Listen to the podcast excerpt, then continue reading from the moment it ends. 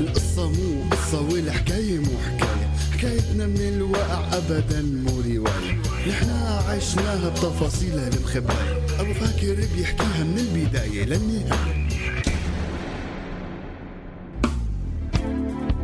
حكاية بلد.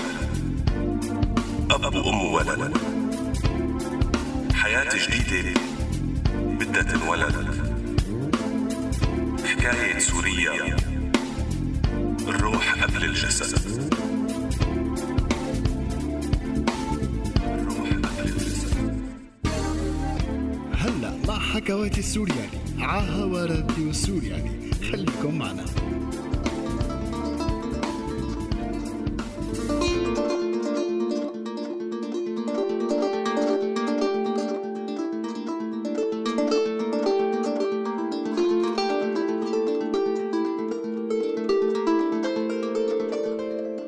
يسعد لي اوقاتكم إخواتي السورياليين الغوالي. حنكمل اليوم حكاية إياد الشبي اللي درس هندسة معلوماتية ويلي كان مؤمن بأنه كل شي بالحياة مثل برمجة الكمبيوتر. لازم يكون تحت السيطرة ولازم يكون بإيده ويتحكم فيه. وحكينا كيف أنه خطيبته أمال كانت عكس هالتفكير رغم أنه هي كمان دارسة مثله وبتشتغل بالبرمجة بس كانت تشوف الأمور من زاوية تانية. وكيف بعد ما كان راسم مخططه إنه يتخرج ويشتغل ويجيب بيت ويخطب ويتزوج اتفاجأ بنص المرحلة يعني قبل ما يخلص قصة البيت والزواج اتفاجأ إنه انسحب على الاحتياط. بالوقت اللي كانت آمال عم تقنعه إنه لازم يسافروا لأنه قرروا إنه ما بدهم يكونوا جزء من اللي عم بيصير بالبلد. مشان هيك معناتها لازم نسافر ما عاد خرج نبقى خاصة وهن عم يلموا الشباب على الجيش. بس للأسف ما لحقوا وانسحب من على الحاجز يلي جنب بيته واتاخد على الاحتياط وصار لابس البدلة العسكرية وناطر أوامر التحرك بأي لحظة. بالبداية دبر خدمته بمكتب لكن بقي تحت خطر النقل لأي مكان أو قطعة حسب الحاجة. ومن هون حنكمل اليوم كمالة حكايتنا فرستقولنا قعدتكم حتى نكملها.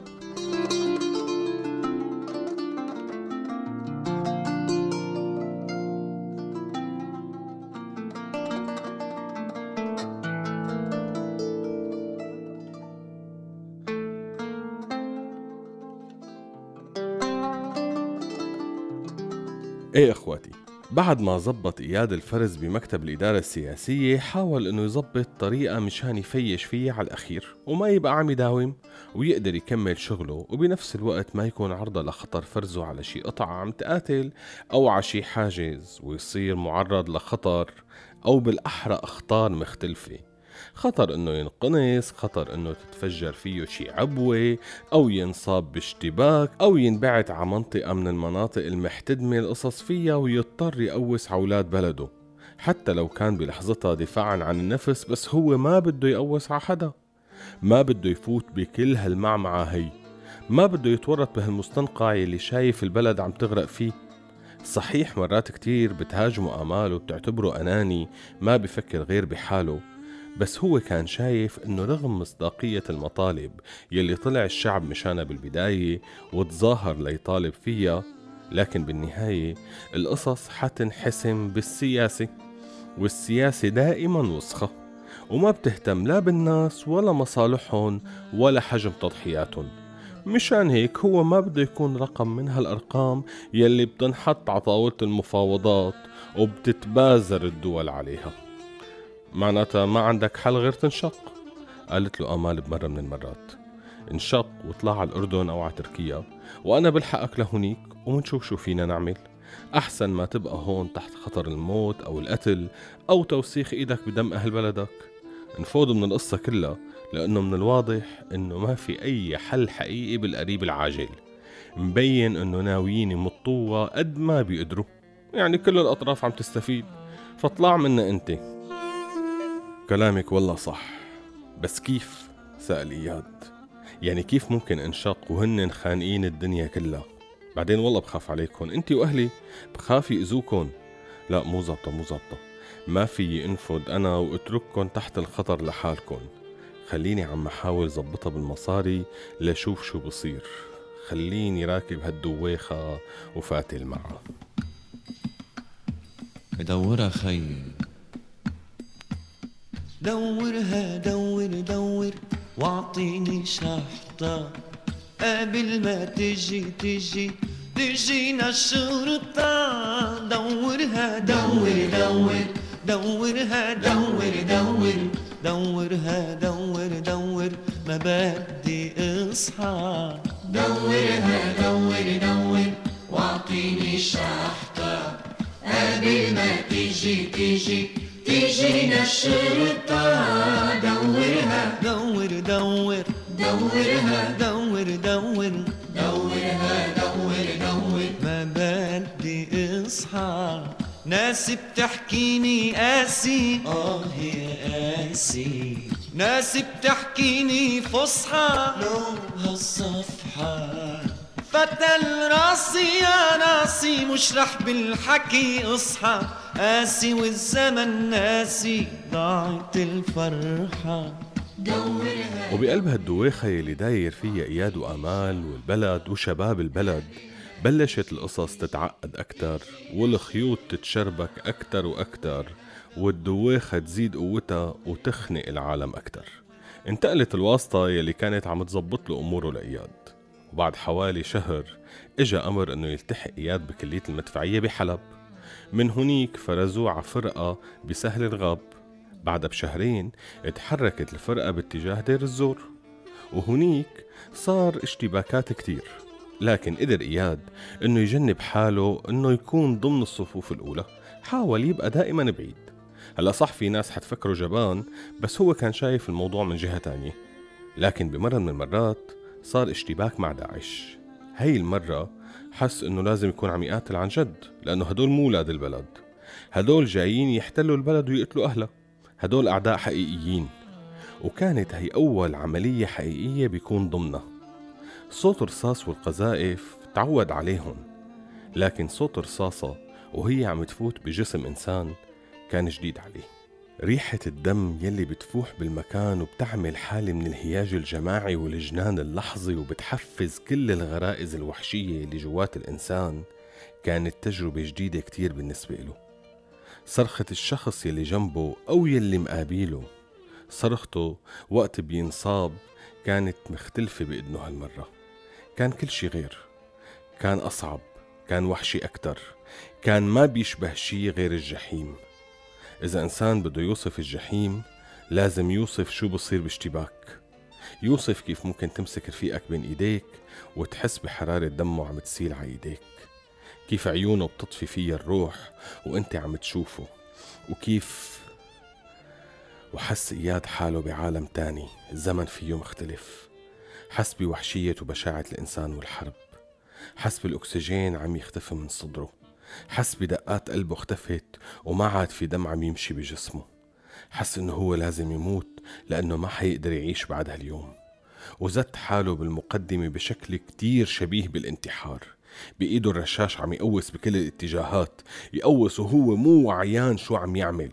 مثل المخدر كان هاجم وبهالهجمة قدر إنه يخفف ضغط على الجهة يلي متمترس فيها هو ورفقاته يلي مشيوا وراه وتشجعوا إنهم يتقدموا وكسروا الطوق يلي كان معمول حواليهم ونفدوا من منطقة الخطر وضموه عانقوه باعتباره البطل يلي أنقذهم لكن ما كان في حيل يوقف ويتحمل عناقهم لأنه الدم يلي خسره بسبب الإصابات يلي أكلها وهو هاجم وما حس فيها كانت كافية إنه يفقد وعيه ويوقع. وبصعوبة قدروا رفقاته يحملوه ويسعفوا وانبعت على المشفى العسكري بحمصه هنيك خضع لعلاج طويل. لأنه الإصابات كانت كبيرة وخطيرة. والدكتور كتب تقرير بضرورة إحالته للخدمات الثابتة لأنه رجله ما عادت سليمة وما في يمشي بطريقة صحيحة ولا ممكن يركض بسبب إصابة الركبة برصاصة فتت جزء منها بالإضافة لعدم الساق. هذا غير الصدمة يلي لساته واقع تحتها ويلي بتخليه فائد الرغبة بالكلام أو بالقيام بأي فعل. امشي هي يما ودعيني قبل ما امشي. ما تدري بعثراتي وأنا امشي.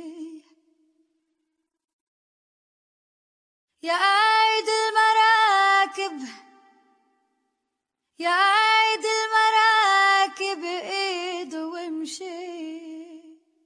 عصلان الحق ضعني الحبايب هيا ادعيني قبل ما أروح ما تدري بعثراتي وأنا أروح ما صبر صبري ما صبر صبري لا يوسف ولا نوح ولا أيوب لم ابتلى. وهيك أخواتي بعد ما خلص إياد العلاج بالمشفى رجع على فرقته مشان يسلم وراء المشفى وتقرير الدكتور. يلي بالطبع ما كتير أخذ اهتمام من المسؤولين لأنه عندهم نقص بالعناصر مستحيل يبعتوا أي حدا ليقعد بمكتب. لكن بما إنه إياد كان بالنسبة لبعض الشباب بطل أنقذ حياتهم وانحكى فيه كتير وافق العميد إنه ينقله بعيد عن الاشتباكات وفرزوه على الكلية العسكرية بحمص. ومن هنيك بعتوه ليوقف على الحواجز يلي بالمدينة. كل فترة بينقلوا من حاجز للتاني حسب الاتفاقات يلي بتكون صايرة مع فروعة المخابرات. يعني كل فترة بتصير إعادة تقسيم للحواجز بين فروعة الأمن. كل فرع بياخد كم حاجز وبحط عناصره عليهن فبينتقلوا عناصر الجيش للحواجز الثانية لأنه بالنهاية الكلمة الفصل لفرع الأمن مو لفرقة الجيش. وبعض الأحيان بيخلوا كم عسكري معهم على الحواجز مشان إذا صار اشتباك أو هجوم. بكون في يعني مين يتحاموا وراه. بهالأوقات حمص كانت تقريبا صارت كلها خاضعة لسيطرة النظام ومو بقيان غير منطقة الوعر محاصرة. بهالأثناء كلها إياد كان ما عم يحكي مع حدا أي شي. كان عم يوقف على الحاجز يمسك الهويات بشكل كتير أوتوماتيكي ويفتح الطبون ويرجع يرجع الهوية ويدق على سقف السيارة ويستلم السيارة يلي بعدها وهيك. بدون ما يحكي ولا يخلطها مع أي حدا. حتى خطيبته آلاء ما عاد حكى معها مثل الأول ولا ناقشها ولا شي. حاولت هي كتير تشوفه تحاكيه تفهم منه شو صار بالضبط. بس هو ما كان يجاوب غير إنه صار اشتباك وتصاوب.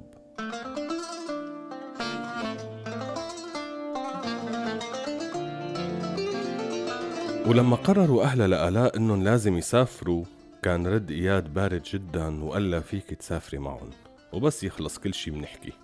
وفيك تكوني حرة بحياتك وما تربطيها بواحد مو معروف مصيره. كلام إياد استفزها كتير وخلاها تحاكيه بعنف وشدة وتقول له لك بس فهمني شبك. ليش هالاكتئاب؟ أنت عم تموت حالك وتموتني. عيونك ميتين ما عم أشوف فيهم إياد يلي بعرفه. ليش كل هالقد تغيرت لك؟ فهمني شو صار معك. ليش ما بدك تحكي؟ لكن إياد ما كان عنده رد غير إنه ما في شي. كان في اشتباك وتصاوبت وأنا لازم أبقى مكتوم عسكرية أنت حرة بحياتك ولا ترتبطي فيي. سافرت آمال مع أهلها وبقي إياد على الحواجز. ونحن خلص وقتنا وصار لازم نقفل هون. منكمل الحكاية الأسبوع الجاي. استودعناكم.